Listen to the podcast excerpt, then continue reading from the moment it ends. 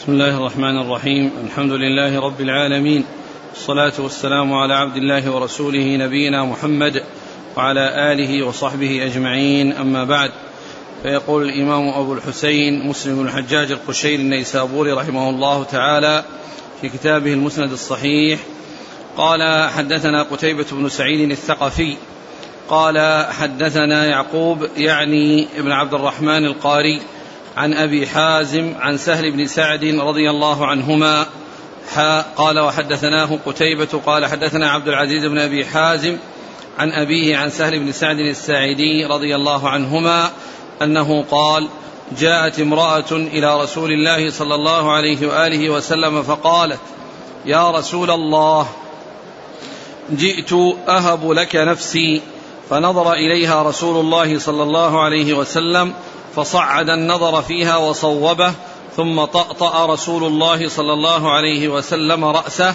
فلما رأت المرأة أنه لم يقض فيها شيئا جلست. فقام رجل من أصحابه فقال يا رسول الله إن لم يكن لك بها حاجة فزوجنيها. فقال فهل عندك من شيء؟ فقال لا والله يا رسول الله. فقال اذهب إلى أهلك فانظر. هل تجد شيئا؟ فذهب ثم رجع فقال لا والله ما وجدت شيئا. فقال رسول الله صلى الله عليه وآله وسلم انظر ولو خاتما من حديد. فذهب ثم رجع فقال لا والله يا رسول الله ولا خاتما من حديد ولكن هذا إزاري. قال سهل ما له رداء. فلها نصفه. فقال رسول الله صلى الله عليه وآله وسلم ما تصنع بإزارك إن لبسته لم يكن عليها منه شيء وإن لبسته لم يكن عليك منه شيء. فجلس الرجل حتى إذا طال مجلسه قام. فرآه رسول الله صلى الله عليه وسلم موليا فأمر به فدعي. فلما جاء قال ماذا معك من القرآن؟ قال معي سورة كذا وسورة كذا عددها. فقال تقرأهن عن ظهر قلبك؟ قال نعم. قال اذهب فقد ملكتكها بما معك من القرآن. هذا حديث ابن أبي حازم وحديث يعقوب يقاربه في اللفظ. قال وحدثناه خلف بن هشام قال حدثنا حماد بن زيد حاء قال وحدثنيه زهير بن حرب قال حدثنا سفيان بن عيينة حا قال وحدثنا إسحاق بن إبراهيم عن الدراوردي حا. قال وحدثنا أبو بكر بن أبي شيبة قال حدثنا حسين بن علي عن زائدة كلهم عن أبي حازم عن سهل بن سعد رضي الله عنه بهذا الحديث يزيد بعضهم على بعض. غير أن في حديث زائدة قال انطلق فقد زوجتكها. فعلمها من القرآن. بسم الله الرحمن الرحيم. الحمد لله رب العالمين وصلى الله وسلم وبارك على عبده ورسوله نبينا محمد وعلى آله وأصحابه أجمعين. أما بعد فهذا الحديث عن سهل بن سعد الساعدي رضي الله عنه يتعلق بالصداق وأن الصداقة مطلوب في الزواج وأنه يكون في يكون في القليل ويكون في الكثير ولكن لا يغالى في المهور وأنه إن لا يلزم تسميته بالعقد فإن سمي وإن لم يسمى فإنه يصار إلى إلى إلى مهر المثل يصار إلى مهر المثل. ف يعني يمكن أن يكون العقد بدون ذكر الصداق وإن ذكر الصداق أو حصل اتفاق على مقدار معين وإلا فإنه يصار إلى مهر المثل. وهنا وهذا الحديث يدل على ما كان عليه الصحابة رضي الله عنهم وأرضاهم من من قلة ذات اليد وأن الواحد منهم لا يكون عنده شيء أصلا كما جاء في هذا الحديث عن سهل بن سعد أن امرأة جاءت إلى النبي صلى الله عليه وسلم وقالت وهبت لك نفسي. فصوب فيها النظر وخفضه فصوبه يعني رفع يعني نظر إلى أعلى وخفضه يعني نظر إلى ما أسفل. ف ثم إنه سكت عليه الصلاة والسلام ولم يجبها بشيء. فلما طال لما لم يجبها بشيء وجلست وهذا يدل على يعني حسن أخلاقه صلى الله عليه وسلم ومعاملته الطيبة. لأنه لما لم يكن يعني يريدها ما أجابها بجواب يجرحها أو يؤثر عليها أو يقول لا أريدك أو لا حاجة لي فيك وإنما سكت عليه الصلاة والسلام وكما يقولون جواب ما يكره السكوت. يعني فسكت عليه الصلاة والسلام ويعني ولم يجبها بشيء. وهذا يدل على كمال أخلاق عليه الصلاة والسلام. فقام رجل من الأنصار وقال يا رسول الله إن لم يكن لك حاجة بها فزوجنيها. وهذا أيضا من الأدب لأنه قال إن لم يكن لك بها حاجة لأنه لما رآه ساكتا ولم يجبها بشيء يعني فهم أو ظن أنه لا يريدها. فقال يا رسول الله إن لم يكن لك حاجة فزوجنيها.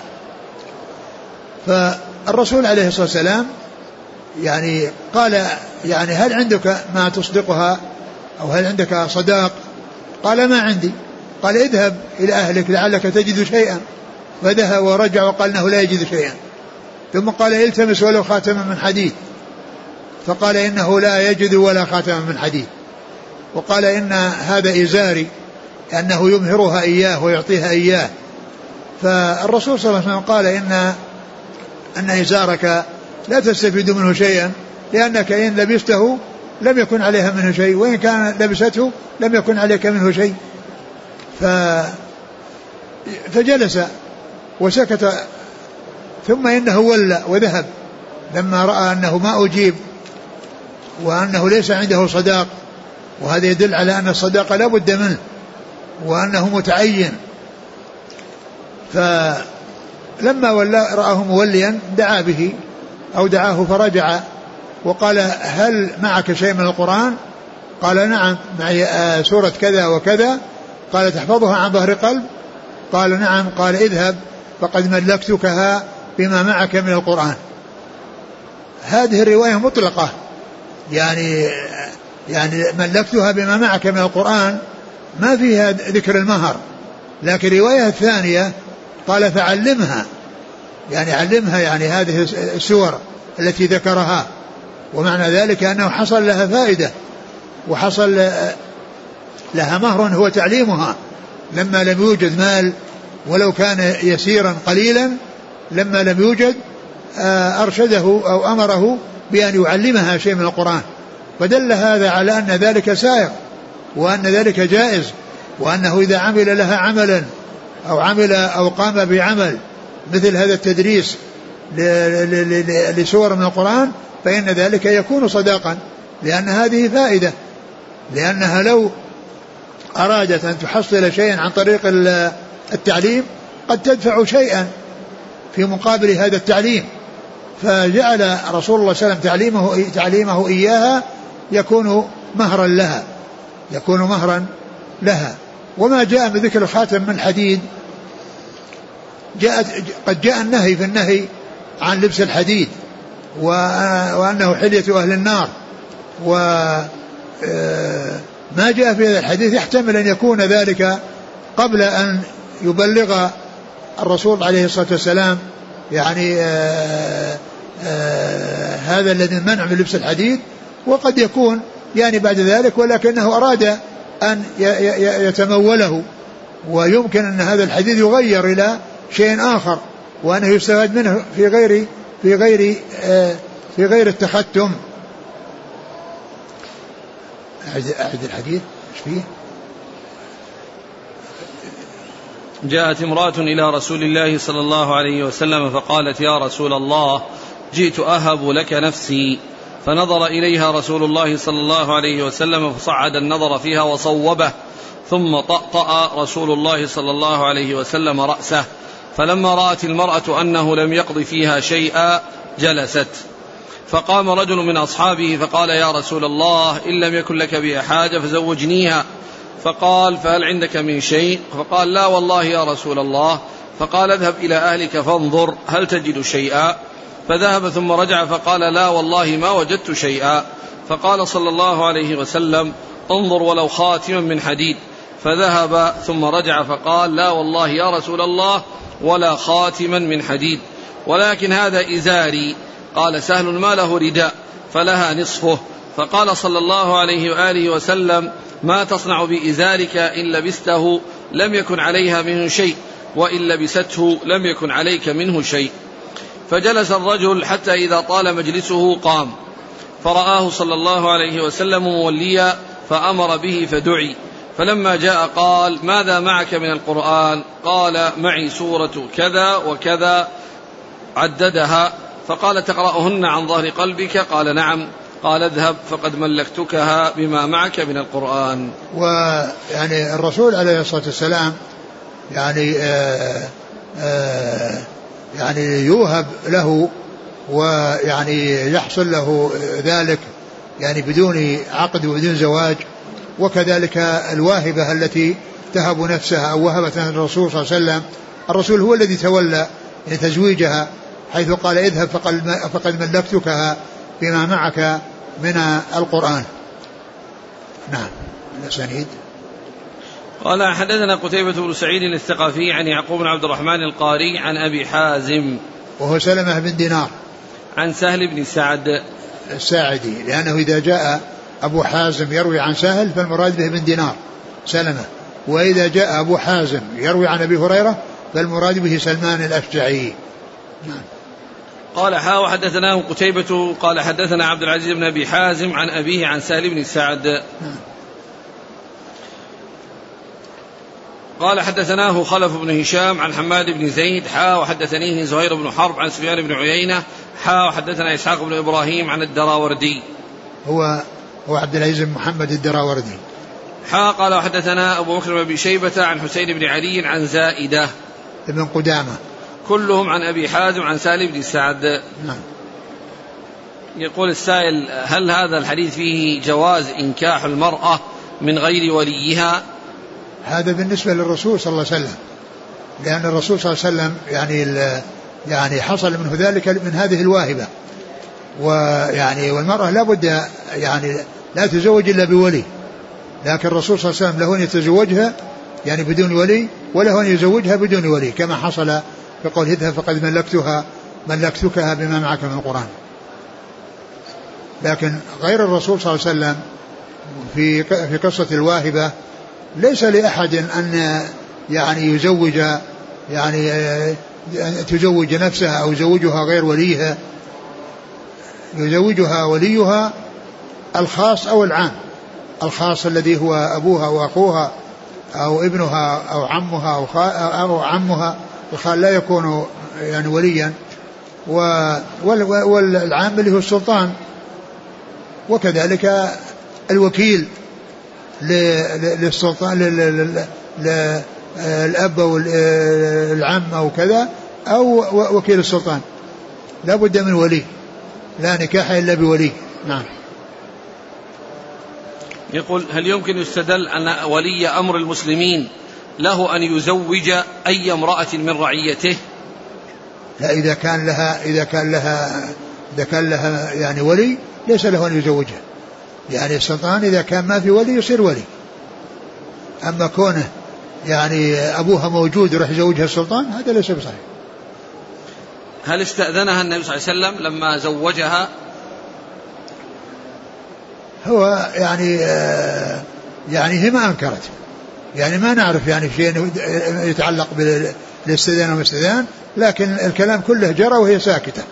ومعلوم أنها إذا اختار لها رسول صلى الله عليه وسلم أحد اختار لها أحد أو زوجها رسول صلى الله عليه وسلم فإنها لا تمانع. لكن الحديث ما فيه ذكر آه أنه استأذنها. قال حدثنا إسحاق بن إبراهيم قال أخبرنا عبد العزيز بن محمد قال حدثني يزيد بن عبد الله بن أسامة بن الهاد حا قال حدثني محمد بن أبي عمر المكي واللفظ له قال حدثنا عبد العزيز عن يزيد عن محمد بن إبراهيم عن أبي سلمة بن عبد الرحمن أنه قال سألت عائشة زوج النبي صلى الله عليه وآله وسلم كم كان صداق رسول الله صلى الله عليه وسلم؟ قالت كان صداقه لأزواجه ثنتي عشرة أوقية. ونشأ. قالت أتدري ما النش قال قلت لا. قالت نصف أوقية فتلك خمسمائة درهم. فهذا صداق رسول الله صلى الله عليه وسلم لأزواجه. ثم ذكر هذا الحديث عن عائشة رضي الله عنها وقد سئلت عن عن صداق رسول الله صلى الله عليه وسلم لأزواجه فأخبرته بأن بأنها 500 درهم. وقال إنها 12 أوقية ونشا يعني نصف النش هو النصف والوقية 40 درهما فإذا ورث 40 درهما في 12 يطلع 480 فيضاف إليها 20 درهما وهي نصف الأربعين. الذي هو نصف الوقية فيكون المجموع 500 درهم. هذا هو صداق أزواج رسول الله صلوات الله وسلامه وبركاته عليه. نعم. قال حدثنا إسحاق بن إبراهيم عن العزيز بن محمد عن يزيد بن عبد الله بن أسامة بن الهاد حا قال حدثني محمد بن أبي عمر المكي عن عبد العزيز عن يزيد عن محمد بن إبراهيم. نعم. عن أبي سلمة بن عبد الرحمن عن عائشة. نعم. قال حدثنا يحيى بن يحيى التميمي وأبو الربيع سليمان بن داود العتكي وقتيبة بن سعيد واللفظ ليحيى قال يحيى أخبرنا وقال الآخران حدثنا حماد بن زيد عن ثابت عن أنس بن مالك رضي الله عنه أن النبي صلى الله عليه وآله وسلم رأى على عبد الرحمن بن عوف أثر صفرة. فقال ما هذا؟ قال يا رسول الله إني تزوجت امرأة على وزن نواة من ذهب. قال فبارك الله لك أولم ولو بشاه. قال وحدثنا محمد بن عبيد الغبري قال حدثنا أبو عوانة عن قتادة عن أنس بن مالك أن عبد الرحمن بن عوف تزوج على عهد رسول الله صلى الله عليه وسلم على وزن نواة من ذهب. فقال له رسول الله صلى الله عليه وسلم أولم ولو بشاه. قال وحدثنا إسحاق بن إبراهيم قال أخبرنا وكيع قال حدثنا شعبة عن قتادة وحميد عن أنس أن عبد الرحمن بن عوف تزوج امرأة على وزن نواة من ذهب وأن النبي صلى الله عليه وآله وسلم قال له أولم ولو بشاه. قال وحدثناه محمد بن المثنى قال حدثنا أبو داود حا قال وحدثنا محمد بن رافع وهارون بن عبد الله قال حدثنا وهب بن جرير. حا قال حدثنا أحمد بن خراش قال حدثنا شبابة كلهم عن شعبة عن حميد بهذا الإسناد غير أن في حديث وهب قال قال عبد الرحمن تزوجت امرأة. قال وحدثنا إسحاق بن إبراهيم ومحمد بن قدامة قال أخبرنا النضر بن شميل قال حدثنا شعبة قال حدثنا عبد العزيز بن صهيب قال سمعت انسا يقول قال عبد الرحمن بن عوف رآني رسول الله صلى الله عليه وسلم وعلي بشاشة العرس. فقلت تزوجت امرأة من الأنصار فقال كم أصدقتها؟ فقلت نواه. وفي حديث إسحاق من ذهب. قال وحدثنا ابن المثنى قال حدثنا أبو داود قال حدثنا شعبة عن أبي حمزة. قال شعبة واسمه عبد الرحمن ابن أبي عبد الله. عن أنس بن مالك أن عبد الرحمن تزوج امرأة على وزن نواة من ذهب. قال وحدثني محمد بن رافع قال حدثنا وهب قال أخبرنا شعبة بهذا الإسناد غير أنه قال فقال رجل من ولد عبد الرحمن بن عوف من ذهب. ثم ذكر هذا هذا الحديث أو هذه الأحاديث المتعلقة بزواج عبد الرحمن بن عوف رضي الله عنه بامرأة من الأنصار وأنه أصدقها نواة من ذهب. وهذا يدل على أيضا تقليل المهر وعلى يعني عدم المغالاة فيه. لأنه قال أن يتزوجها عن نواة من ذهب وفسر النواة من الذهب بأنها مقدار خمسة دراهم يعني ما يساوي خمسة دراهم وهذا وهذا شيء قليل. وعبد الرحمن بن عوف رضي الله عنه كان من المهاجرين وقد جاء وآخى النبي صلى الله عليه وسلم بينه وبين واحد من الصحابة فعرض عليه أن يقاسمه يعني ماله وأن يتنازل أو يطلق إحدى زوجاته ليتزوجها فقال بارك الله لك في مالك وأهلك دلوني على السوق. وذهب للسوق وصار يبيع ويشتري حتى تزوج. ولقي النبي صلى الله عليه وسلم وعليه أثر صفرة يعني مما يدل على الزواج لأن ذلك من طيب النساء وأنها رأى عليه هذا الشيء الذي يعني يفيد أنه له أهل وأنه تزوج. فقال له نفسه بما أصدقتها؟ قال نواة من ذهب. قال أولم ولو بشاة. وهذا يدل على تقليل المهر وعدم المغالاة فيه وكذلك أيضا يدل على مشروعية الوليمة وأن صاحب اليسار من كان يوسرا يعني يأتي بالشاة وأكثر من شاة ومن كان مقلا فليأتي بما, بما تيسر سواء كان شاة أو أقل من شاة مما يطعم وسواء كان لحم أو غير لحم لأن الرسول صلى الله عليه وسلم في آه، زواجه بصفية إنما يعني لم يذبح شيء لم يذبح شيئا ولم يكن فيه لحم وإنما كان حيص يعني من من التمر والأقط والسمن. وهذا هو صداق أو هذا هو هذا هو الوليمة التي حصلت لصفية ويعني آه، فإذا آه، الحديث يدل على أمرين. يدل على الصداق وأنه يعني لا بد منه وأنه ولو كان قليلا. والأمر الثاني يدل على مشروعية الوليمة وأنها تكون على الأقل شاة في حق ما كان موسرا. نعم. الأمر أولم يعني هذا بعض العلماء يقول أن الوليمة أنها واجبة ولكن الذي يظهر أنها مستحبة وأن ما كان موسرا عليه أن يعني أن يفعل ذلك. ومن لم يكن موسرا ف يعني يعني يأتي بما تيسر ولا يكلف الله نفسا إلا وسعها. ووقتها؟ وقتها عند الزواج. يعني من قال أن تكون عند العقد ومنهم من قال أن تكون عند الدخول. و فإن أتى بها عند العقد له ذلك وإن أتى بها عند الدخول له ذلك. بعد الدخول؟ وإن تأخرت بعد الدخول بشيء قليل ما في بأس. الحديث هذا ما يدل على أنه بعد؟ إلا يدل على أنه بعد لأنها كان هذا تدارك يعني. أقول هذا فيه تدارك يعني. وهو يدل على أنه بعد لا شك أولم ولو بشات يعني جائز أن تكون عند العقد وعند الدخول وكذلك بعد الدخول. أثر صفرة. صفرة يعني اللي هو طيب طيب النساء. يعني الرجال لا يستعملون يعني يعني هذا اللون أو هذا النوع الذي يعني يعني يظهر لأنه هو الذي يظهر ريحه ويخفى لونه. وأما النساء طيبهن يعني يظهر لونه ويخفى ريحه.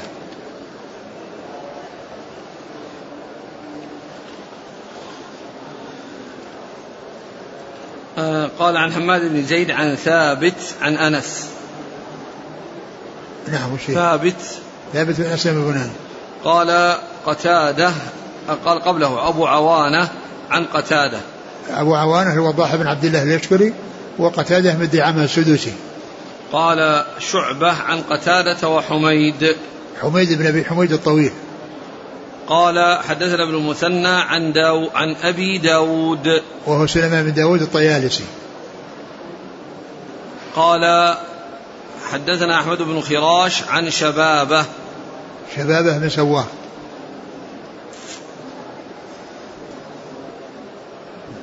في قبل ذلك أبو الربيع العتكي. نفسه قال قال حدثنا يحيى بن يحيى التميمي وأبو الربيع سليمان بن داود العتكي. هذا هو الزهراني. هذا هو الزهراني الذي يأتي ذكره كثيرا وقد مر ذكره كثيرا وهنا جاء بلفظ العتكي. والعتكي يعني هم من من, من الأزد وزهران من الأزد. يعني في مرة جاء ذكر وصفه بأنه زهراني وفي هذا الموضع بأنه عتكي. وكثيرا ما يأتي ذكره أو وصفه أو نسبته بأنه زهراني. وزهران من من الأزد وكذلك العتك من من من من الأزد وهو شخص واحد يعني مرة نسب إلى يعني قبيلة من الأزد باسم زهران وفي بعضها إلى من الأزد باسم العتكي. نعم. والإنسان الذي لا يعرف هذا قد يظن أنهم شخصين العتكي شخص والزهراني شخص. نعم.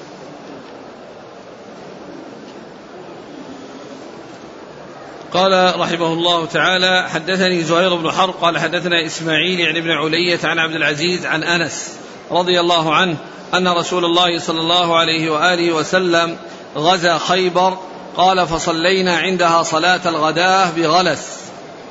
فركب نبي الله صلى الله عليه وآله وسلم وركب أبو طلحة رضي الله عنه وأنا رديف أبي طلحة. فأجرى نبي الله صلى الله عليه وسلم في سقاق خيبر وإن ركبتي لتمس فخذ نبي الله صلى الله عليه وآله وسلم وانحسر الإزار عن فخذ نبي الله صلى الله عليه وسلم فإني لأرى بياض فخذ نبي الله صلى الله عليه وسلم. فلما دخل القرية قال الله أكبر خربت خيبر. إنا إذا نزلنا بساحة قوم فساء صباح المنذرين. قالها ثلاث مرات. قال وقد خرج القوم إلى أعمالهم فقالوا محمد والله. قال عبد العزيز وقال بعض أصحابنا محمد والخميس. قال وأصبناها عنوة وجمع السبي فجاءه دحية رضي الله عنه فقال يا رسول الله أعطني جارية من السبي. فقال اذهب فخذ جارية. فأخذ صفية بنت حيي رضي الله عنها. فجاء رجل إلى نبي الله صلى الله عليه وآله وسلم فقال يا نبي الله أعطيت دحية صفية بنت حيي سيد قريضة والنظير. ما تصلح إلا لك. قال ادعوه بها. قال فجاء بها فلما نظر إليها النبي صلى الله عليه وسلم قال خذ جارية من السبي غيرها. قال واعتقها وتزوجها. فقال له ثابت يا أبا حمزة ما أصدقها؟ قال نفسها أعتقها وتزوجها حتى إذا كان بالطريق جهزتها له أم سليم فأهدتها له من الليل فأصبح النبي صلى الله عليه وآله وسلم عروسا. فقال من كان عنده شيء فليجئ به. قال وبسط نطعا. قال فجعل الرجل يجيء بالأقط وجعل الرجل يجيء بالتمر وجعل الرجل يجيء بالسمن فحاسوا حيسا. فكانت وليمة رسول الله صلى الله عليه وسلم. قال وحدثني أبو الربيع الزهراني. قال حدثنا حماد يعني ابن زيد عن ثابت عبد العزيز بن صهيب عن أنس. حا قال وحدثناه قتيبة بن سعيد. قال حدثنا حماد يعني ابن زيد عن ثابت وشعيب بن حبحاب. عن أنس. حا قال وحدثنا قتيبة قال حدثنا أبو عوانة عن قتادة عبد العزيز عن أنس. حا قال وحدثنا محمد بن عبيد الغبري قال حدثنا أبو عوانة عن أبي عثمان عن أنس. حا قال وحدثني زهير بن حرب قال حدثنا معاذ بن هشام قال حدثني أبي عن شعيب بن الحبحاب عن أنس. حا قال وحدثني محمد بن رافع قال حدثنا يحيى بن آدم وعمر بن سعد وعبد الرزاق جميعا عن سفيان. عن يونس بن عبيد عن شعيب بن الحبحاب عن أنس كلهم عن النبي صلى الله عليه وسلم أنه أعتق صفية وجعل عتقها صداقها. وفي حديث معاذ عن أبيه تزوج صفية وأصدقها عتقها. ثم ذكر هذه الأحاديث المتعلقة بأن بأن أن أن أن الصداق قد يكون عتقا يعني للأمة. بأن يتزوج بأن يعني يعتقها ويجعل مهرها صداقها لأن لأن المهر يجعل عتقها صداقها وذلك أن هذه منفعة لأنها يعني لما كانت أمة ليس لها حق القسم ليست من الزوجات فإذا كانت زوجة يكون لها حق القسم فإذا حصل لها أن انتقلت من من كونها مملوكة يعني ليس لها حق حق الزوجات إلى كونها زوجة يكون تكون مماثلة للزوجات في تحصيل الحقوق التي تكون للزوجات. فهذا فيه دليل على أن مثل ذلك يمكن أن يكون مهرا لأن هذه منفعة عظيمة. يعني كونها تعتق ويتزوج ويتزوجها الذي اعتقها يعني يكون جماع ذلك بين مصلحتين لها. مصلحة كونها يعني حصل انتقلت من الرق إلى الحرية والأمر الثاني أنها حصل لها زواج ممن اعتقها فلم تبقى يعني آه بدون أهل وبدون من يتولى أمرها لأنها خرجت من كونها مملوكة بالعتق فإذا حصل الزواج منها فإن ذلك يكون جمع فيه بين مصلحتين لها مصلحة الزواج وأنها زوجة من الزوجات ومصلحة كونها يعني أصبحت يعني لها زوج فلم تبقى بدون زوج بدون زوج وبدون أحد يعني يحميها ويقوم بشؤونها ويقوم بما يلزم لها. وذكر يعني قبل ذلك قصة خيبر والرسول صلى الله عليه وسلم أنه ذهب إليها وأنه فتحها عنوة وأن أنه كان أنس راكبا خلف أبي طلحة والرسول صلى الله عليه وسلم كان راكبا فكان الزقاق يعني كان ضيقا وكان آآ آآ يلتصق أو يقرب يعني الجسد من الجسد فكان أنس يخبر بأن جسده أو أن ركبته تمس فخذ رسول الله صلى الله عليه وسلم وأن الرسول انحسر عنه يعني انحسر إزاره عنه فكان يرى فخذه وهذا يدل على أن الفخذ يعني الفخذ هي عورة وهذا الانحسار لم يكن من فعل الرسول صلى الله عليه وسلم وإنما حصل بسبب الازدحام أو بسبب السرعة وبسبب الريح التي لأنه قال انحسر ولم يقل حسر ومعنى ذلك أن هذا شيء من, من, من غير آه، إرادته ومن غير تصرفه. فدل هذا على أن ال ال ال يعني كما جاء في بعض الأحاديث الفخذ عورة وهذا الحديث يعني يدل على خروج الفخذ لكن خروجه لم يكن مرادا وإنما كان بسبب آه، آه، السرعة والهواء وبسبب الازدحام الذي حصل في في في هذا الزقاق. وفيه انه قال يعني قالوا إنه محمد والله وقال بعض أصحابنا والخميس يعني بدل والله. وقد جاءت هذه الجملة التي هي الكلمة في طريق أخرى فيها التنصيص يعني من على على من روى الحديث ونص فيه على أنهم قالوا محمد والخميس. والمراد بالخميس الجيش وسمي الجيش خميسا لأنه يتكون من من خمسة أجزاء مقدمة ومؤخرة وميمنة وميسرة وقلب الذي هو الوسط. يعني القلب الذي هو الوسط. وش فيه؟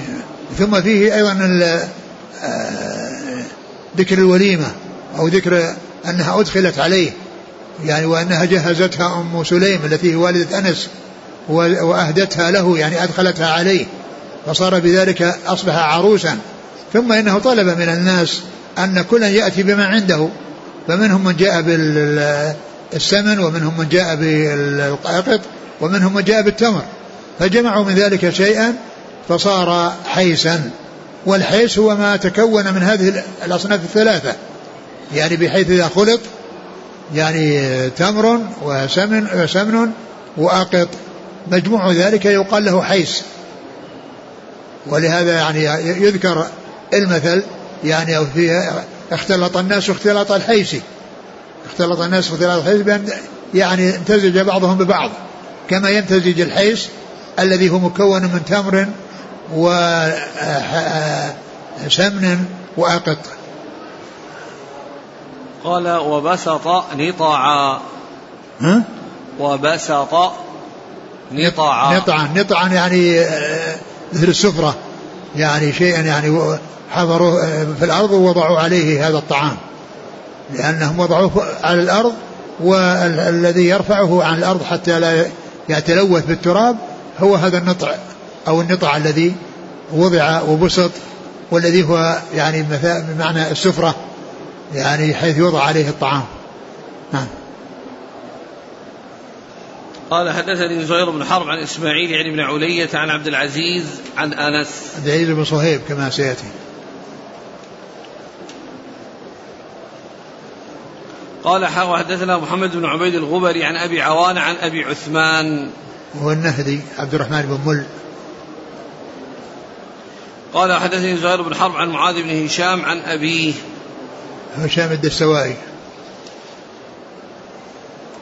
يقول آه، هل يدل الحديث على جواز تزوج الأمة دون استبراء؟ لا الأمة لا بد من الاستبراء. لا بد من استبرائها. المرأة المسبية المسبية يعني آه، لا بد من استبرائها بحيضة. يعني حتى يعلم أن ما في بطنها ولد من الزوج الأول. هنا يعني لم يذكر لعله يعني اتصال القصة لم يذكر هنا أنه استبرأها.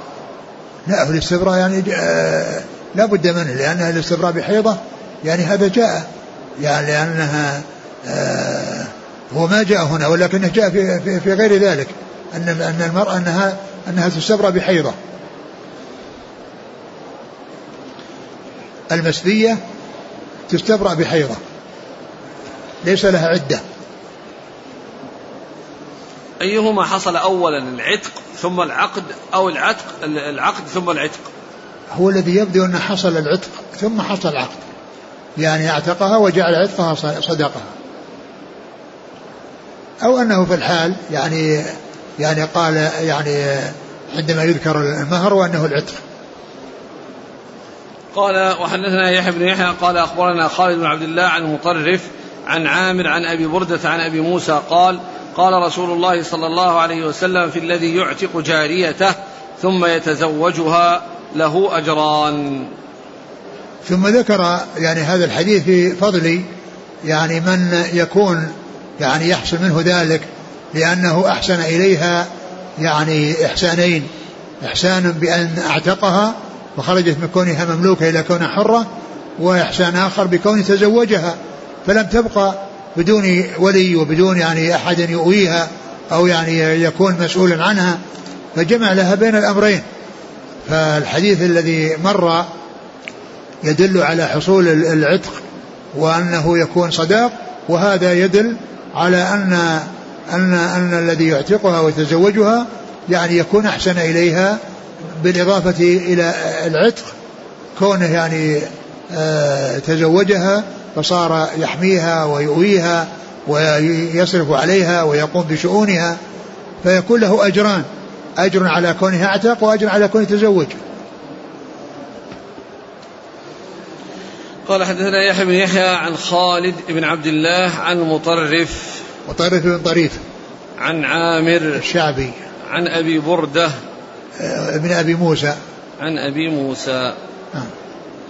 قال حدثنا أبو بكر بن أبي شيبة قال حدثنا عفان قال حدثنا حماد بن سلمة قال حدثنا ثابت. عن أنس رضي الله عنه أنه قال كنت ردف أبي طلحة رضي الله عنه يوم خيبر.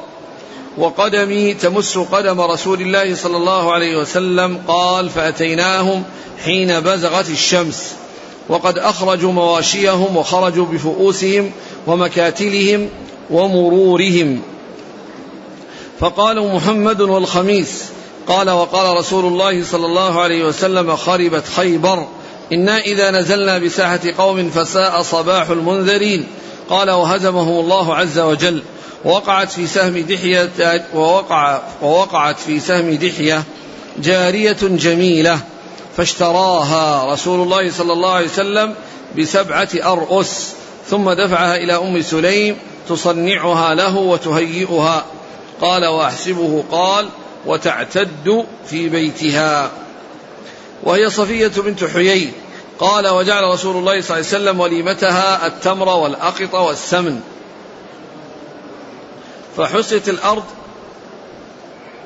أي نعم. يعني حفر في الأرض يعني حفرة يعني حتى يجعل فيها النطع. يعني بحيث أنه يعني يمسك في الجوانب فلا يعني يعني يسيل يعني لأنه يكون في مثل حفرة. لكن الحفرة فيها نطع. بحيث أن, أن, أن الذي فيها لا لا يصل لا يصل أو لا يصيح على الأرض من بعض الجوانب. نعم. إيش بعده؟ لكن الآن قال أفاحيص وجيء بالأنطاع. أيوة. فحصت الأرض أفاحيص يعني وجيء. مثل يعني ما, ما أزيل يعني ما يعني شيء ما عليها من التراب وصارت هابطة قليلا وجيء بالأنطاع ووضعت عليها. وجيء الأنطاع ووضعت عليها. يعني حتى يستقر فيها ما يوضع وحتى لا يسيل أو يذهب يمينا وشمالا. يعني لو كان متساوي مع الأرض لكن لما صار نازل والأمطاع يعني آه، في المكان النازل ومعلوم أنها يعني تأتي يعني أيضا من الجوانب فيصير الذي وسطها كله يعني سليم ما يصل إليه شيء من التلوث بالتراب. نعم. فحصت الأرض أفاحيص وجيء بالأنطاع فوضعت فيها وجيء بالأقط والسمن فشبع الناس. قال وقال الناس لا ندري أتزوجها أم اتخذها أم ولد. قالوا إن حجبها فهي امرأته وإن لم يحجبها فهي أم ولد. فلما أراد أن أن يركب حجبها. فقعدت على عجز البعير فعرفوا أنه قد تزوجها. فلما دنوا من المدينة دفع رسول الله صلى الله عليه وسلم ودفعنا. قال فعثرت الناقة العضباء وندر وندر رسول الله صلى الله عليه وسلم وندرت فقام فسترها وقد أشرفت النساء. فقلنا أبعد الله اليهودية. قال قلت يا أبا حمزة أوقع رسول الله صلى الله عليه وسلم قال إي والله لقد وقع. قال أنس وشهدت وليمة زينب فأشبع الناس خبزا ولحما وكان يبعثني فأدعو الناس. فلما فرغ قام وتبعته فتخلف رجلان استأنس بهما الحديث لم يخرجا. فجعل يمر على نسائه فيسلم على كل واحدة منهن سلام عليكم. كيف أنتم يا أهل البيت؟ فيقولون بخير يا رسول الله. كيف وجدت أهلك؟ فيقول بخير. فلما فرغ رجع ورجعت معه. فلما بلغ الباب إذا هو بالرجلين قد استأنس بهما الحديث. فلما رأياه قد رجع قاما فخرجا. فوالله ما أدري أنا أخبرته أم أنزل عليه الوحي بأنهما قد خرجا. فرجع ورجعت معه. فلما وضع رجله في اسكفة الباب أرخ اسكفة الباب. نعم. أرخى الحجاب بيني وبينه. وأنزل الله تعالى هذه الآية لا تدخلوا بيوت النبي إلا أن يؤذن لكم. الآية. انتهى؟ ثم يأتي حديث آخر. آه. بمعنى؟ نعم. أقرأ. قال وحدثنا أبو بكر بن شيبة قال حدثنا شباب قال حدثنا سليمان عن ثابت عن أنس حا قال وحدثني به عبد الله بن هاشم بن حيان. واللفظ له قال حدثنا باز قال حدثنا سليمان بن المغيرة عن ثابت قال حدثنا أنس قال صارت صفية لدحية في مقسمه وجعلوا يمدحونها عند رسول الله صلى الله عليه وسلم.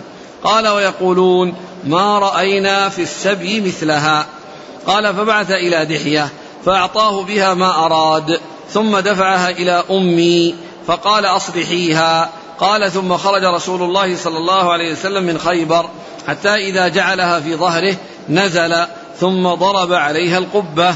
فلما أصبح قال رسول الله صلى الله عليه وسلم من كان عنده فضل زاد فليأتنا به.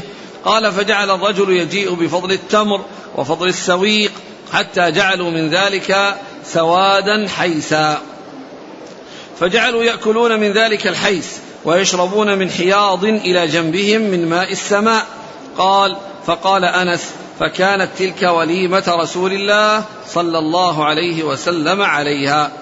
قال فانطلقنا حتى إذا رأينا جدر المدينة هششنا إليها فرفعنا مطيت فرفعنا مطينا. ورفع رسول الله صلى الله عليه وسلم مطيته. قال وصفية خلفه قد أردفها رسول الله صلى الله عليه وسلم. قال فعثرت مطية رسول الله صلى الله عليه وسلم فصرع وصرعت. قال فليس أحد من الناس ينظر إليها ولا إليها حتى قام رسول الله. إليه. فليس أحد من الناس ينظر إليه ولا إليها حتى قام رسول الله صلى الله عليه وسلم فسترها. قال فأتيناه فقال لم نضر. قال فدخلنا المدينة. فخرج جواري نسائه يتراءينها ويشمتن بصرعتها. ثم ذكر يعني هذا هذا الحديث من من حيث أنس من طرق أخرى غير الطريق الأولى. وفيها أو في الأول في أولها أن في الطريقة السابقة أنه اختار جارية مكانها من من السبي. والطريقة الثانية أنه اشتراها منه الرسول صلى الله عليه وسلم بسبعة أرؤس أي بسبع أنفس. ومعنى ذلك أنه يعني أعطاه الواحدة وزاده على ذلك. والطريقة الثانية الثالثة قال أرضاه وأعطاه ما أراد أعطاه ما أراد. يعني فكأنه يعني يعني آه، أراد أن يحصل أكثر من واحدة فأعطاه النبي صلى الله عليه وسلم ذلك. وقوله اشتراه ليس معنى ذلك أنه ملكها وأنه اشتراها وأنها صارت سلعة وإنما آه، أخذ تلك المرأة التي هي صفية واصطفاها لنفسه عليه الصلاة والسلام لأنها ابنة سيد آه، يعني اليهود و فيكون ذلك رفعا لشأنها ورفعا لمنزلتها لكونه يعني تكون من نصيب أو من اصطفاء الرسول الكريم صلى الله عليه وسلم وبعد ذلك يعني أعطاه زيادة على ذلك الطريقة الثانية سبعة أرؤس أنفس وفي الرواية الأخيرة أعطاه أعطاه ما أراد. أعطاه ما أراد يعني كأنه أراد شيئا أكثر من الواحدة فأعطاه ما أعطاه. إيش من الكلمات اللي قد خرجوا أخرجوا مواشيهم وخرجوا بفؤوسهم ومكاتلهم ومرورهم. خرجوا بفؤوسهم ومكاتلهم ومرورهم. الفؤوس معروف أن هذه الفؤوس التي يحفرون بها ويعني ومكاتل هي الأوعية التي يعني يجمعون فيها الأشياء مكاتل جمع مكتل. والمرور قيل إنها مساحي. يعني و أو قريب منها وقيل إنها حبال يعني يصعدون بها النخل يصعدون بها النخل. يعني معناه أنها وسائل الحرث يعني من من مساحي ومن حبال ويعني من مكاتل. نعم. قال دفع إلى أم سليم تصنعها لا وتهيئها وتعتد في بيتها. وتعتد في بيتها يعني هذا هو الذي فيه أنها يعني اللي هي العدة التي هي الاستبراء. وإلا فإن المسبية لا عدة لا تعتد يعني وإنما آه، تستبرأ بحيضة حتى يتحقق بأنه ليس هناك ليس هناك آه، ولد من الزوج الأول. نعم. آه، قال الناس لا ندري أتزوجها أم اتخذها أم ولد. إن حجبها فهي امرأته. وإن لم يحجبها فهي أم ولد. فلما أراد أن يركب حجبها فقعدت يعني, يعني فهم أو عرف يعني كونها زوجة بكونها حجبت ما أو حجبها عليه الصلاة والسلام. يعني كان الجواري سابقا يختلفن عن الحرائر. نعم. نعم. نعم. الجواري نعم. نعم. نعم. الجارية تكشف لكن الحرة نعم. طيب مسألة الآن فقعدت على عجز البعير فعرفوا أنه قد تزوجها. نعم يعني لو كانت جارية ما تجلس على نعم مع نفس السيد على نفس البعير. نعم قال فلما دنونا المدينة ودفعنا قال فعثرت الناقة العضباء وندر رسول الله صلى الله عليه وسلم وندرت يعني ندر وندرت يعني سقط أو صرع مثل ما جاء في الرواية الأخرى. نعم. فسترها وقد أشرفت النساء فقلن أبعد الله اليهودية. يعني اللي هي صفية هذه التي كانت على معه على بعيره وسقط الرسول صلى وسقطت معه. نعم.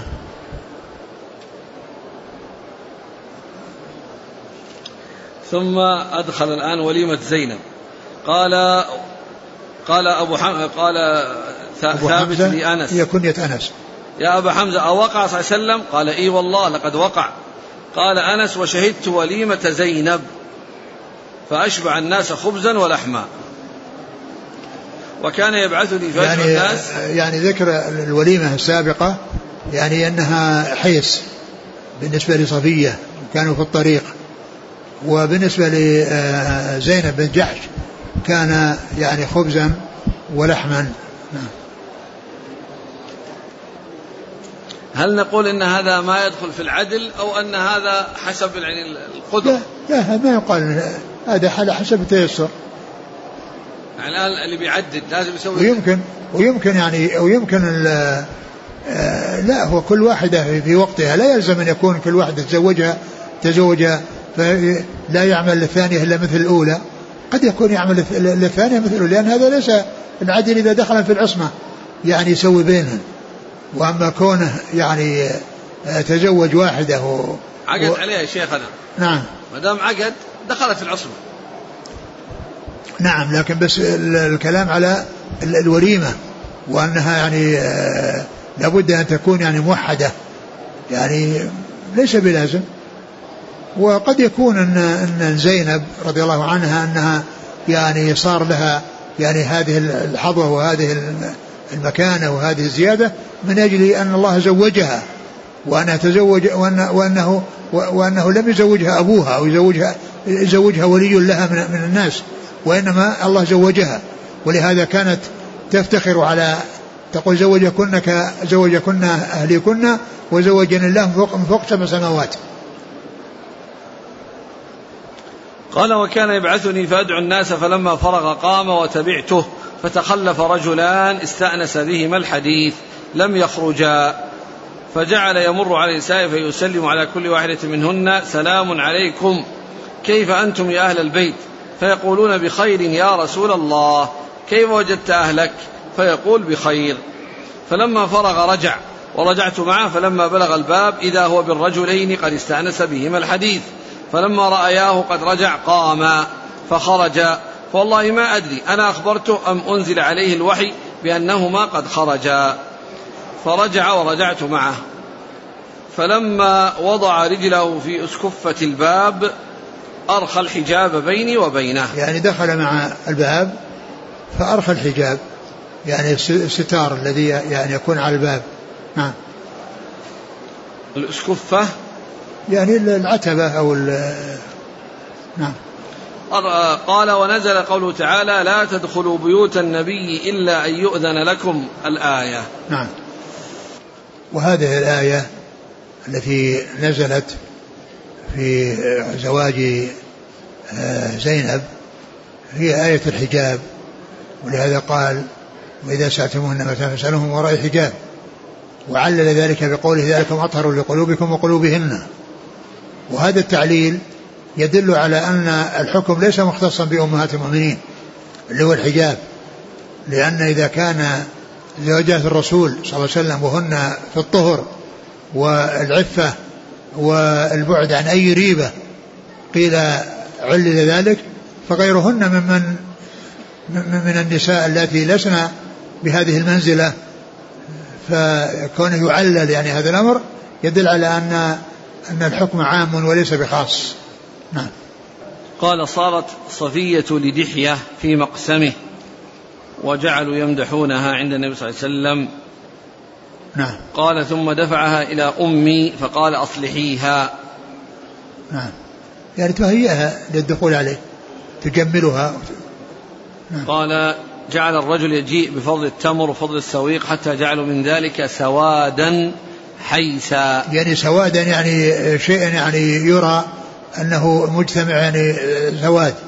ولهذا يعني يقال يعني للشيء الذي يرى من بعد يقال لسواد مثل ما جاء في قصة عائشة رضي الله عنها لما تخلف يعني لما ذهب الجيش عنها وبقيت في مكانها فجاء صفوان معطل وقال قالت رأى سواد إنسان رأى سواد إنسان وكان يعرفني قبل الحجاب.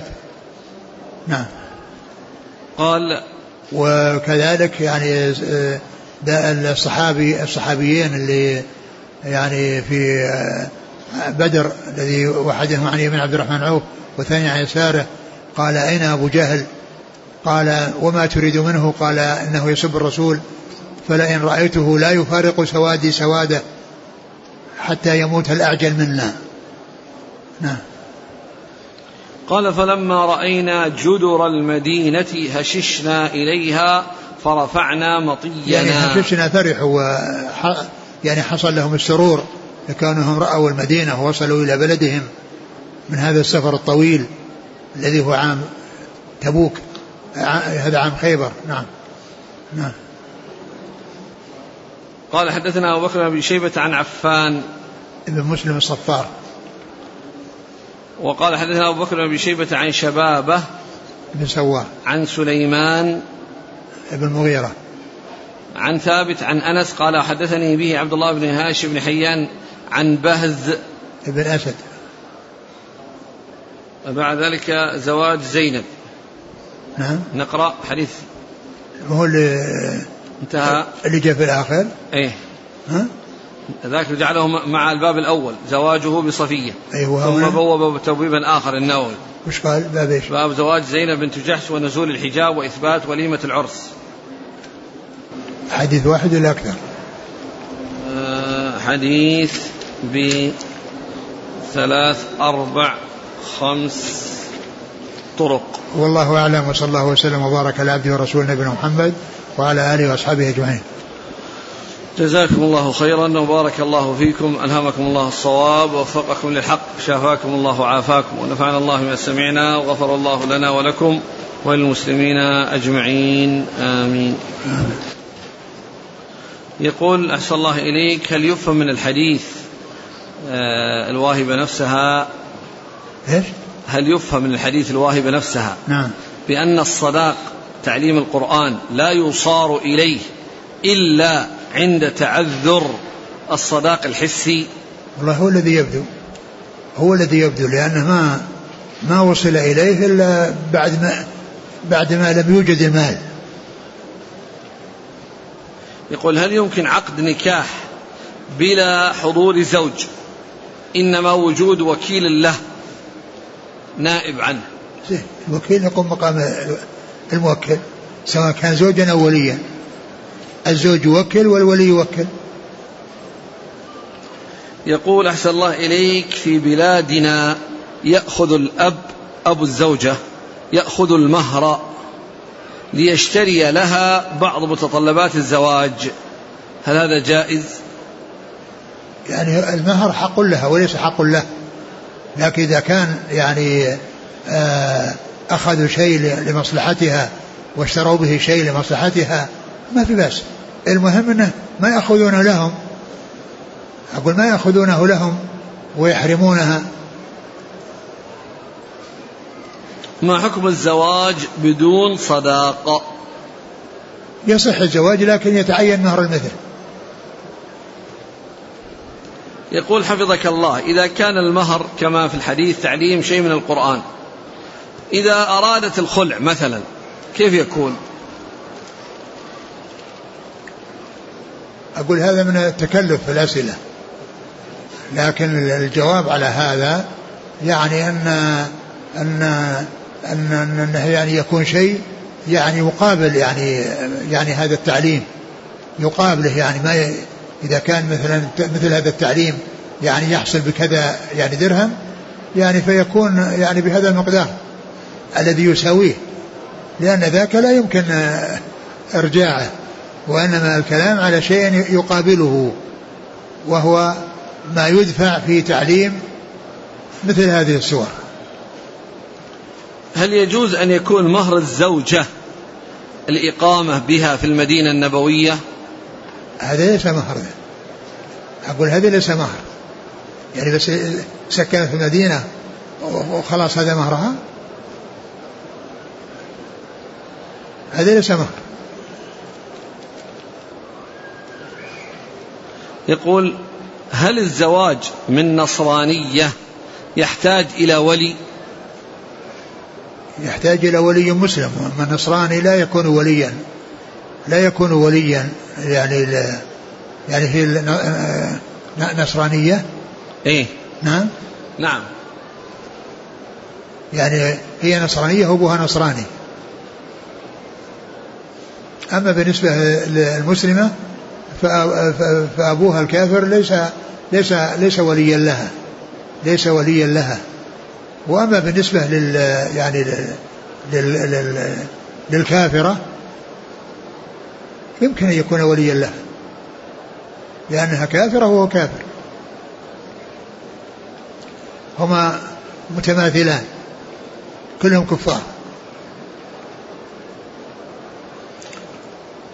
يقول أحسن الله إليك ما نصيحتكم للآباء الذين يغالون بمهور بياناتهم ويتنافسون في ذلك؟ الواجب على الأولياء أن يحرصوا على ستر النساء وعلى إعفافهن وعلى المبادرة إلى إلى الكفء إذا تقدم لا يفوتوه عليهن ولا يعني يحصل منهم الطمع في مال لأن لأن هذا من الإضرار من الإضرار بهن.